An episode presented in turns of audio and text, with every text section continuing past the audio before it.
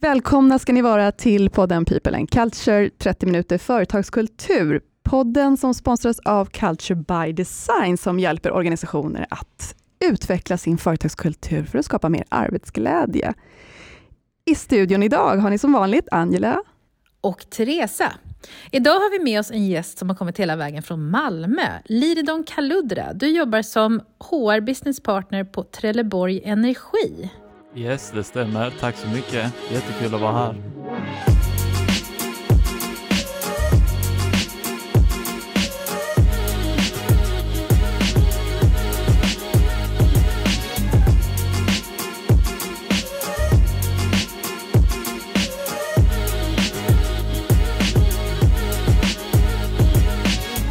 Vi har ju bjudit in dig för att vi har ju fått nys om och fått höra dig berätta om den resan som ni befinner er på eh, när det gäller att utveckla kultur.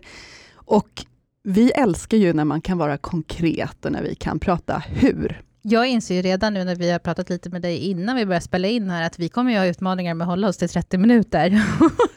Precis. ja, eh, du har ju en fantastiskt bra eh, förmåga att vara väldigt konkret, som du är inne på, Angela.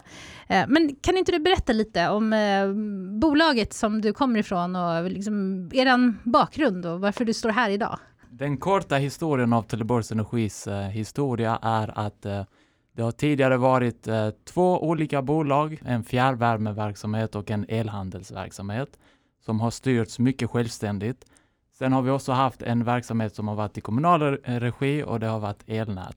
Det fattades beslut om att de här tre verksamheterna skulle bilda ett bolag, det vill säga Trelleborgs Energi.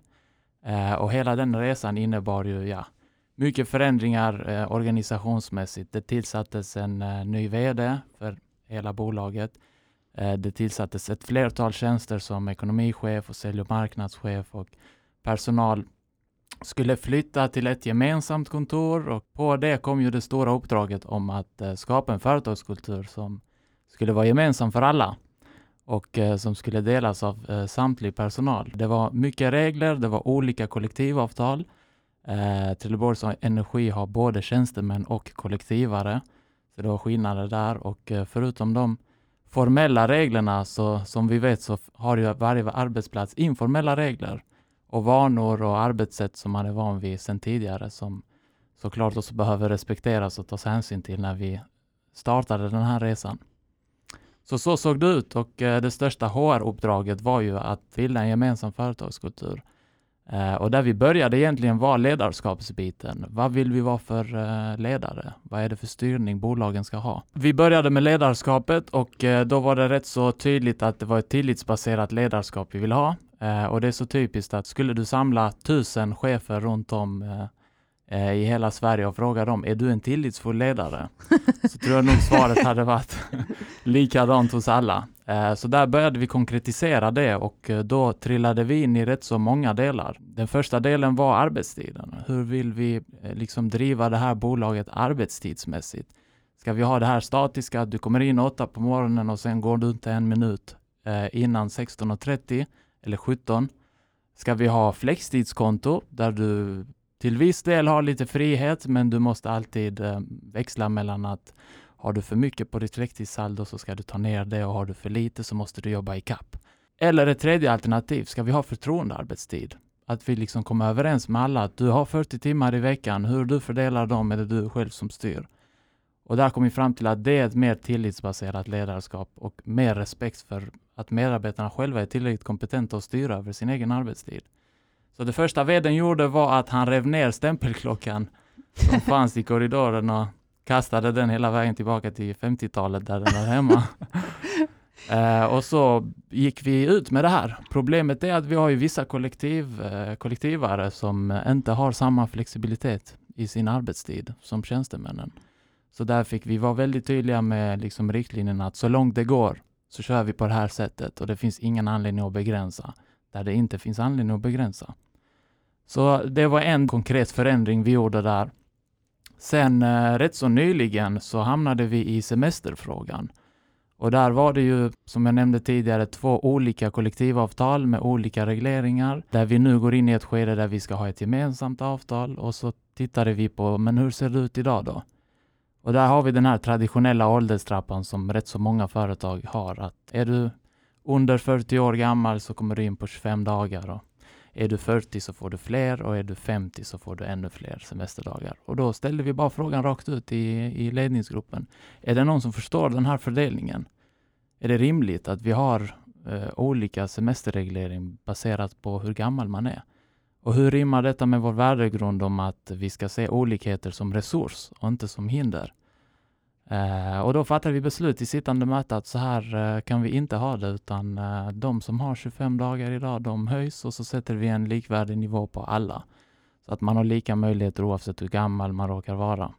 Det där tycker jag är helt fantastiskt, för vi har ju stuckit ut hakan ganska mycket, jag och Teresa, både här i podden och kanske även på social media, där vi rackar ner ganska mycket på värderingar. Mm. Och bara för att vara tydlig, så har vi egentligen inget emot liksom, värdegrunder eller värderingar i bolag. Det är ju bara problemet att de oftast är helt, jag använder värderingsgrunden som en kompass. Och så mm. tittar du på de aktiviteter ni har och så säger du, men är det här rimligt? Rimmar det här med... Och det gör det ju inte, det hör ju vem som helst. Logiskt så går inte riktigt det där ihop. Och det är lite det som Tänk om fler kunde göra så. Den liksom ställa sig bara den frågan, varför? Kan de förklara hur det här hänger ihop? Mm. Ja, jätteroligt, jättekul att höra. Precis, och där är det ju väldigt, eh, det är väldigt enkelt att hamna i den här fällan om att vi har våra värdeord och sen pratar vi om dem två, tre gånger per år inför uh, hela företaget och sen uh, går vi tillbaka till våra kontor och fortsätter som om ingenting hade hänt. Och vi har ju värdeord som betyder öppenhet, respekt och ansvar och det är väldigt tomt att bara säga de orden. Utan de måste ju fyllas med innehåll. Och där fattade vi beslut om att de här värderingarna kommer i ursprungligen från Trelleborgs kommun. Och där kan man antingen ändra på dem helt och hållet och låta personalen komma på värderingarna. Eller så har man dem kvar och liksom funderar på hur formuleringarna ska se ut. Hur ska det se ut på riktigt i verksamheten? Ställer vi krav på att vi ska ha tillitsfulla ledare? Ja, men vad, vad innebär det? Hur ska de tänka praktiskt?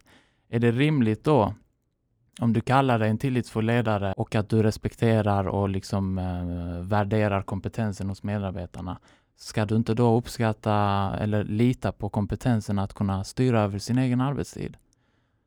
Om vi inte kan visa tillit där, var, var, liksom, var kompenserar vi i så fall om det inte är möjligt? Då får vi kompensera på ett annat område.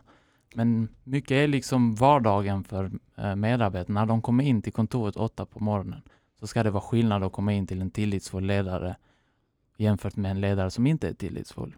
Och det blir ju väldigt mycket så walk the walk. Det är ju det ni gör. Eh, vill säga medarbetarna kan ju följa efter på ett annat sätt.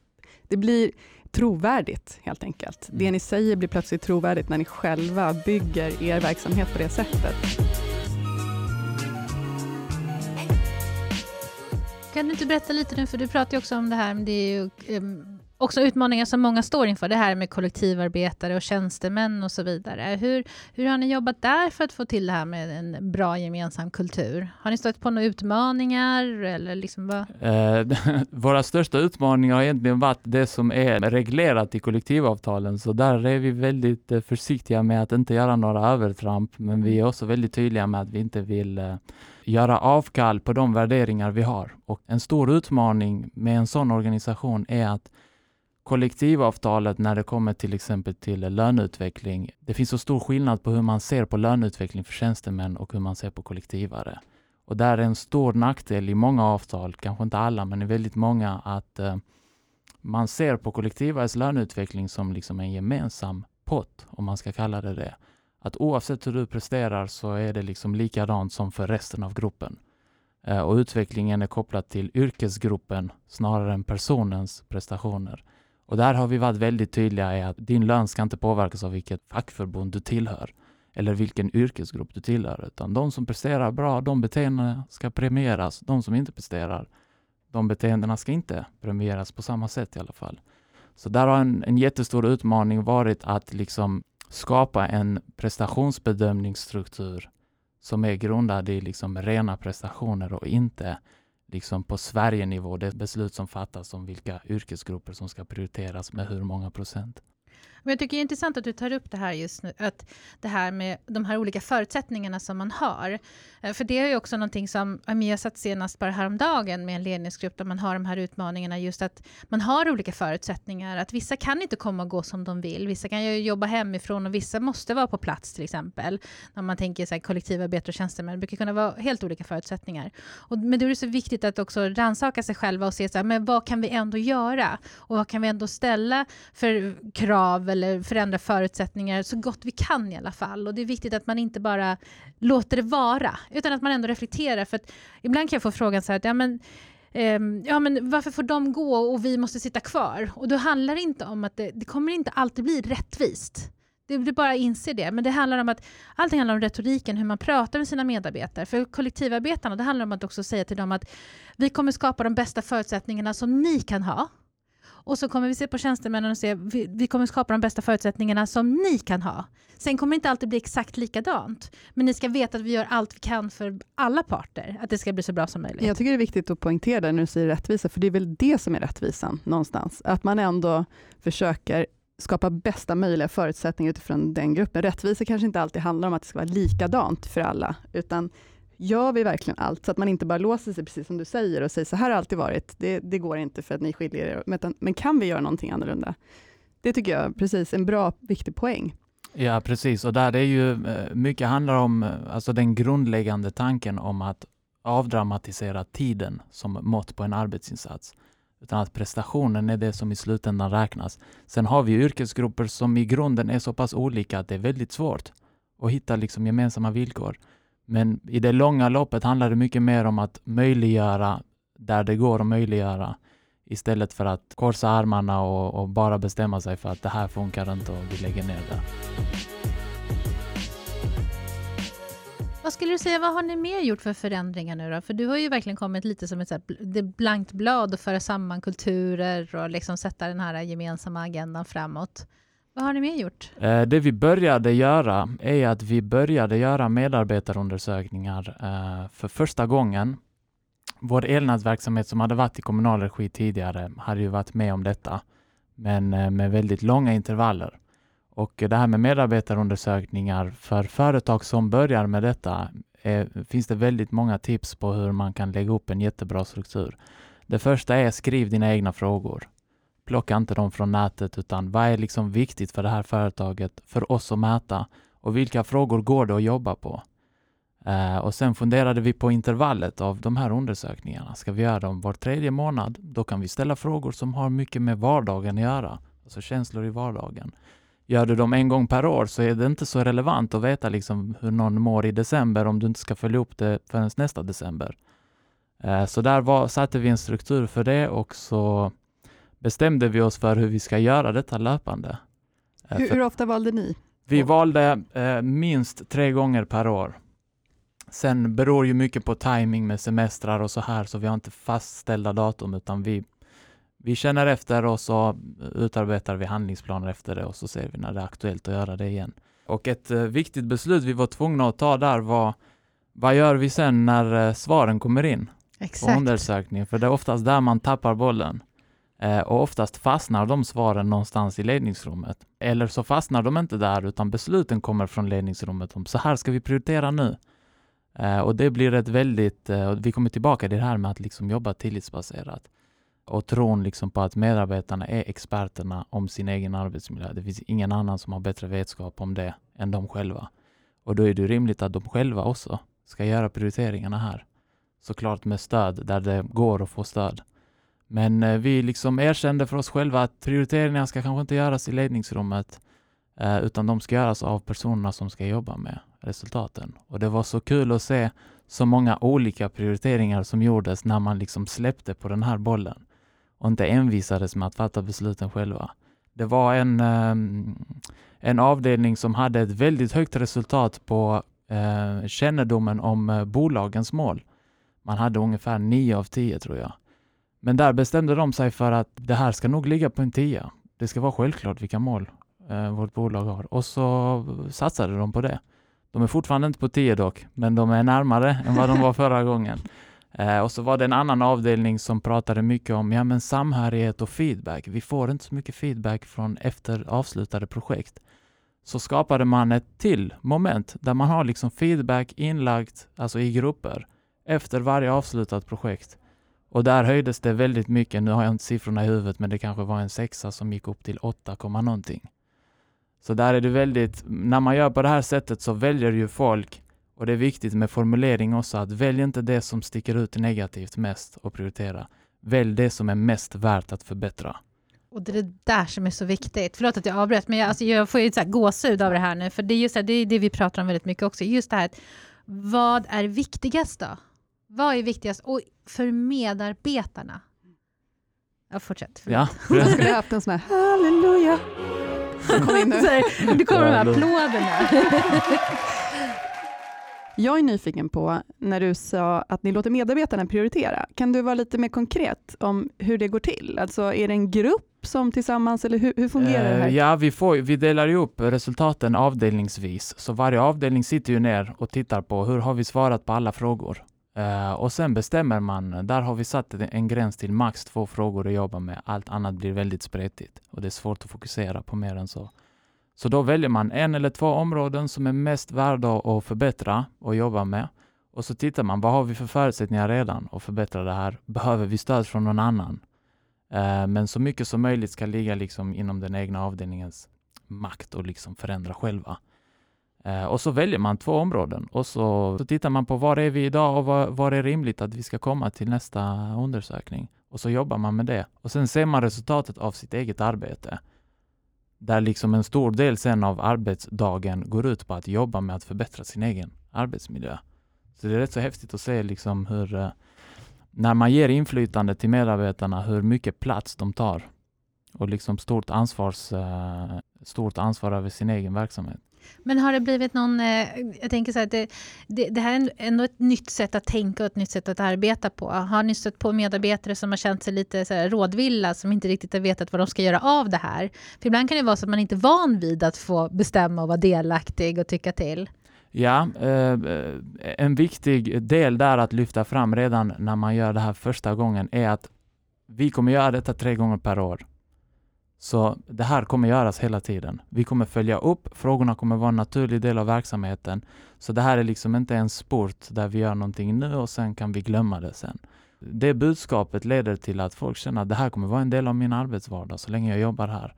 Då, är det, då, då ställer man höga krav på att det ska vara tydligt och eh, liksom vad man har för möjligheter att påverka. Så där, där blev det en jättestor förändring och sen hade vi ju, vi hade ju såklart chefer också som inte har jobbat på det här sättet. Men eh, det, det var ju en förändring i positiv bemärkelse så det, man tog ju verkligen för sig.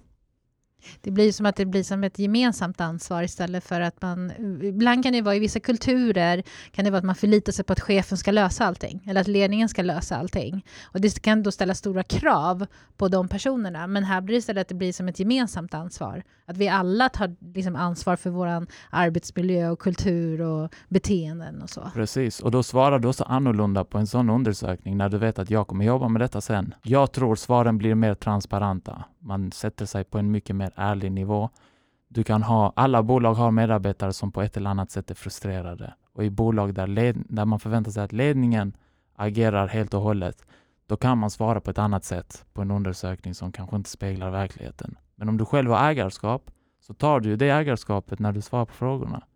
Lika mycket som med arbetet du gör sen.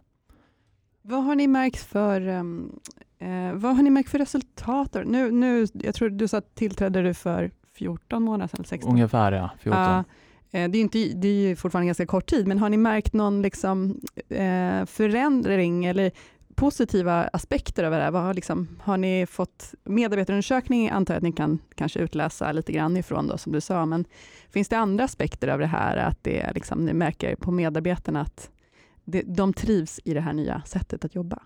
Ja, eh, det har ju varit så mycket förändringar så det är väldigt svårt att veta liksom vad beror eh, alltså liksom varje förändring på. Eh, jag tror att generellt sett är väldigt många glada över nya kollegor. Det brukar man ju vara när det är sådana här liksom ihopslagningar av olika verksamheter. Men eh, där har vi också sett att eh, så länge man är tydlig med att inflytandet ligger på medarbetarna så mycket det går och alltså skjuta ner. Vår VD brukar alltid säga att skjut ner så många beslut så långt ner i organisationen det går. Så ser man ju förändring. Du ser förändring i hur folk tar ansvar över sin verksamhet. Det gjorde de såklart innan också. Men det blir ett annat sätt att jobba på nu. Och det blir en annan tydlighet i den riktningen vi vill ta. När vi pratar om våra bolagsmål så har vi vårt personalmål högst upp på agendan. Det kommer före ekonomi, det kommer före alla liksom affärsmål och strategiska mål. Vårt personalmål är 2025 ska vi ha Sveriges bästa energibolag. Vi ska ha en medarbetarnöjdhet som går att jämföra med andra branscher och som ligger i topp där. Alla handlingsplaner och medarbetarundersökningar, det är bara liksom trappsteg dit. Och så ser ju folk, var är vi liksom på väg? Hur bidrar jag till hela bolagets resultat? Istället för bara min lilla grupp. Jag kan tänka mig också att det bidrar till en hel del stolthet, eh, när man känner att jag är faktiskt med på den här resan och påverkar den här resan. Ja, precis. Och det blir ju det här med att um, bara signalen om att personalen är mycket viktigare än ekonomin i den bemärkelsen. Att liksom, har du nöjda medarbetare så skapar det nöjda kunder och nöjda kunder ger det ett ekonomiskt resultat också. Bara vetskapen av det eh, liksom, gör jättestor förändring. Och där har det varit ett väldigt tydlig signal från vdn. Och det, vissa saker är viktigare beroende på varifrån i organisationen det kommer. Har du en vd som är väldigt tydlig med det så sipprar det ner liksom till, ut till hela organisationen och man tar efter det tankesättet. Ja, det är otroligt viktigt. Att, eh, och, det, och Jag tycker så bra att du också säger att, att det är vdn det kommer ifrån. För det är lätt hänt, och det är många som lyssnar på den här podden också, som sitter på din position. Alltså HR-ansvariga, HR-chefer, HR-ledare och managers och alla dessa olika titlar. Men just har den utmaningen att de kan känna sig ganska ensamma ibland mm. med att jobba med de här frågorna. För att det ibland då inte att ledningen har förstått hur viktigt det är att det behöver sitta högt upp på agendan och det behöver kommuniceras ut från vdn.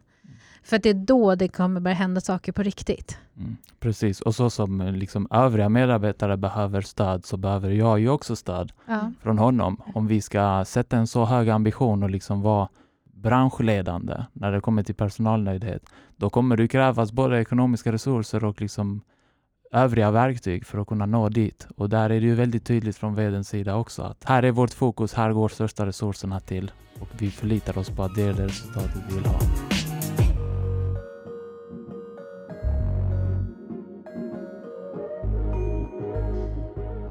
Du berätta lite mer om, jag gillar det här med det här med konkreta, du pratade om det också just i början, så att, kan du inte ge lite fler så exempel på hur ni konkret har liksom förändrat vardagen? Om man tänker till exempel utifrån era värderingar, har ni sett på några andra sådana här initiativ eller beteenden? Ja, eh, initiativ har vi tagit. Vi har ju, om, om man tittar på hur energibranschen ser ut generellt sett, så är ju Sverige är ju drabbat av detta också, men energibranschen är särskilt drabbad av att eh, det är en väldigt eh, ojämn fördelning av män och kvinnor. Eh, det är en väldigt mansdominerad bransch. Och eh, där tittar vi på vår skyldighet att se till eh, lika möjligheter för alla, både innan de rekryteras, alltså i rekryteringssammanhang, men också under anställning, egentligen där det är viktigast. Och om vi tar det här problemet med ja, löneutveckling, att det ser väldigt olika ut, att kvinnor generellt sett har lägre lön än männen, så tror vi att mycket av det beror på att eh, kvinnor eh, oftare är, eh, tar på sig rollen att vara föräldralediga längre än vad männen gör och att det kan påverka löneutvecklingen, alltså på lång sikt. Och där har vi tänkt, vad ska vi ha för incitament att fördela detta jämnt? Och där hade faktiskt kommunen ett jättebra initiativ som vi tog över och det är jämställdhetspremie heter det. De föräldrar eller eh, medarbetare som är föräldrar och eh, delar lika på föräldraledigheten får en klumpsumma, en premie. Så de får ett incitament att dela på. Och det gäller ju både de alltså, kvinnliga anställda som delar det med sina partners, men också de manliga anställda som delar det med sina partners. Och det är en jätteliten insats i liksom de, den stora insatsen som behöver göras på det här problemet. Men det är åtminstone ett incitament och en tydlig signal att så här gör vi för att bidra till det här stora problemet som vi har. Väldigt, väldigt bra. Och just det där också, då håller ni fortfarande inte att, man, att ni, ni, Det blir inte fördelar åt något håll, utan det är liksom att se det på överlag så.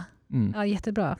Precis, och där har vi ju när det kommer till att fatta beslut så är det ju väldigt, eh, det kommer ju alltid finnas eh, liksom olika perspektiv på ett sätt att jobba med vissa frågor och när det kommer till liksom jämställdhetsfrågan i rekryteringssammanhang så är vi faktiskt väldigt tydliga där med att hålla det enkelt. När du eh, sitter i en rekryteringssituation som chef, forma intervjuprocessen så kompetensbaserad som möjligt så att det är det du fattar beslut på när du sen ska anställa.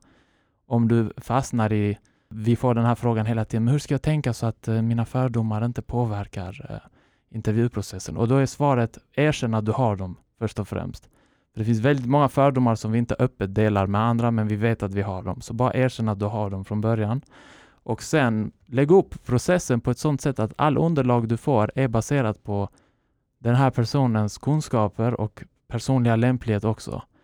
Eh, lägger du upp en process som bjuder in till subjektiv bedömning om att den här kvinnan eller den här mannen hade passat här och den här är för gammal eller den är för ung, så kommer det också påverka din bedömning till slut. Så där försöker vi hålla det väldigt enkelt och av slump så har vår könsfördelning blivit jämnare senaste året. Idag ligger vi på 24 procent kvinnor. Eh, förra året låg vi på ungefär 17.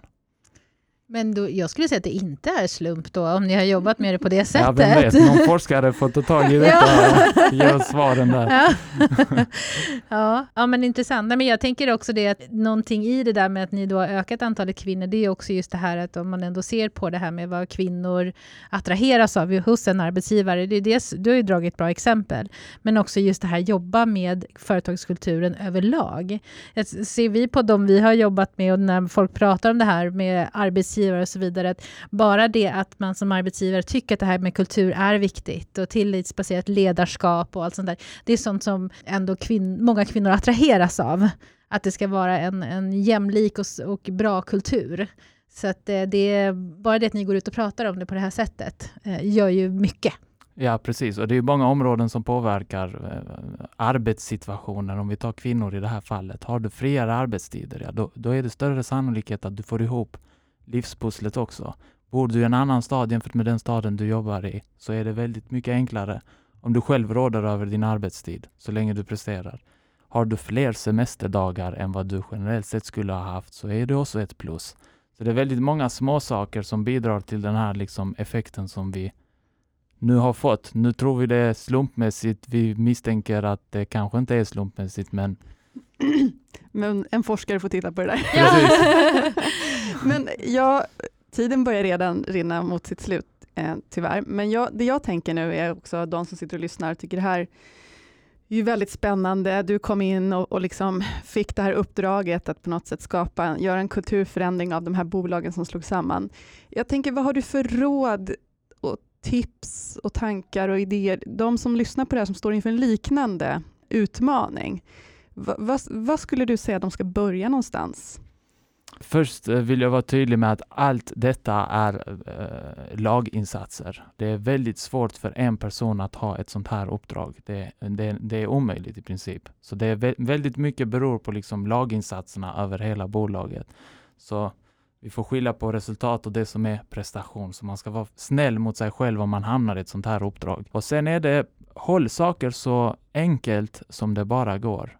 Eh, det är väldigt populärt idag att prata om självledarskap och medarbetarskap och alla de här liksom trendiga uttrycken som finns. Och som ledare ska du vara så här och så här och som medarbetare ska du vara så här och så här.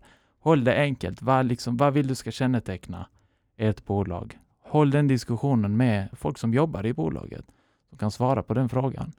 Eh, och sen implementerar du värderingsstyrda processer baserat på det. Och då finns det ju mm, om man tar ett spektrum där så finns det, det ena hållet är att man inte har några processer alls, så många, många bolag har gått i den, eh, gått den vägen att man har så få chefer som möjligt, det är så mycket liksom som ligger på medarbetarna som möjligt. Inte mycket är skrivet, man är inte så rutinfokuserade och det blir ju att i perioder kan det vara väldigt bra, men i perioder kan det vara väldigt inkonsekvent. Det är svårt att få tydlighet. Det är den ena. Den andra är de som går all in på hela andra vägen och det är processer för allting, rutiner för allting. Det ska vara beskrivet exakt hur du ska tänka i alla stadier och där kanske man kan vara stolt över att man inte har så många chefer, men till slut blir systemet din chef om den berättar för dig hur du ska tänka i varje situation. Så ställ dig någonstans i mitten. Där det inte behövs en rutin, lägg inte tid på ett pappersdokument. Lägg tid på verksamheten. Mm. Ja, kloka ord. Ja. Det här har varit väldigt intressant. Jag tycker att det är intressant att bara få ta del av den här resan eh, som ni har gjort ändå. Men eh, vad, nu när ni ändå har hunnit mäta några gånger då under den här tiden, vad, vad har ni sett för förändring?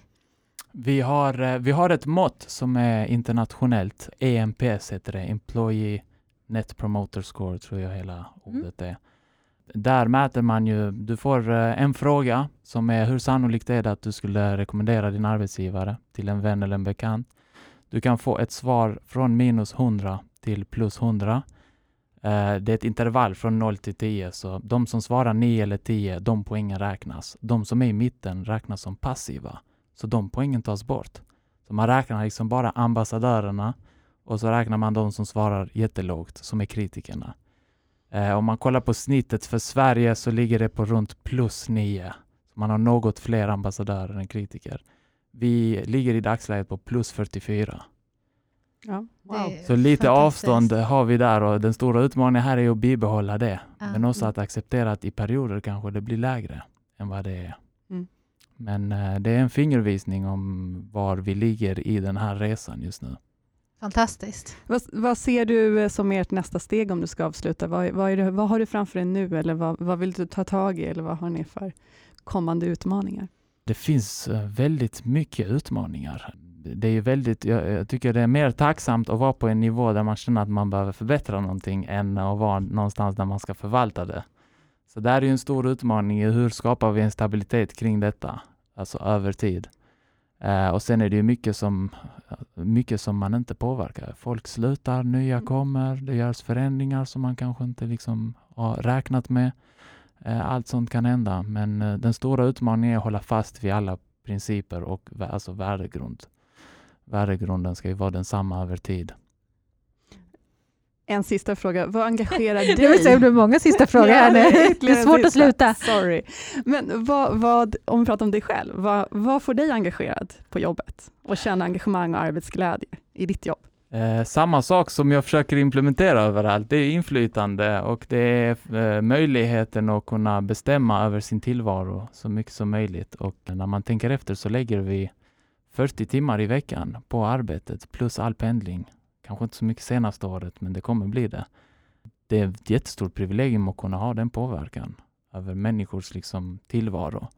Eh, och kan man hjälpa dem, en person som kanske kom till jobbet tidigare och inte kände sig så glad över de åtta timmarna som väntade, kanske kommer till jobbet nu och är lika glad på måndag som de är på fredag eftermiddag.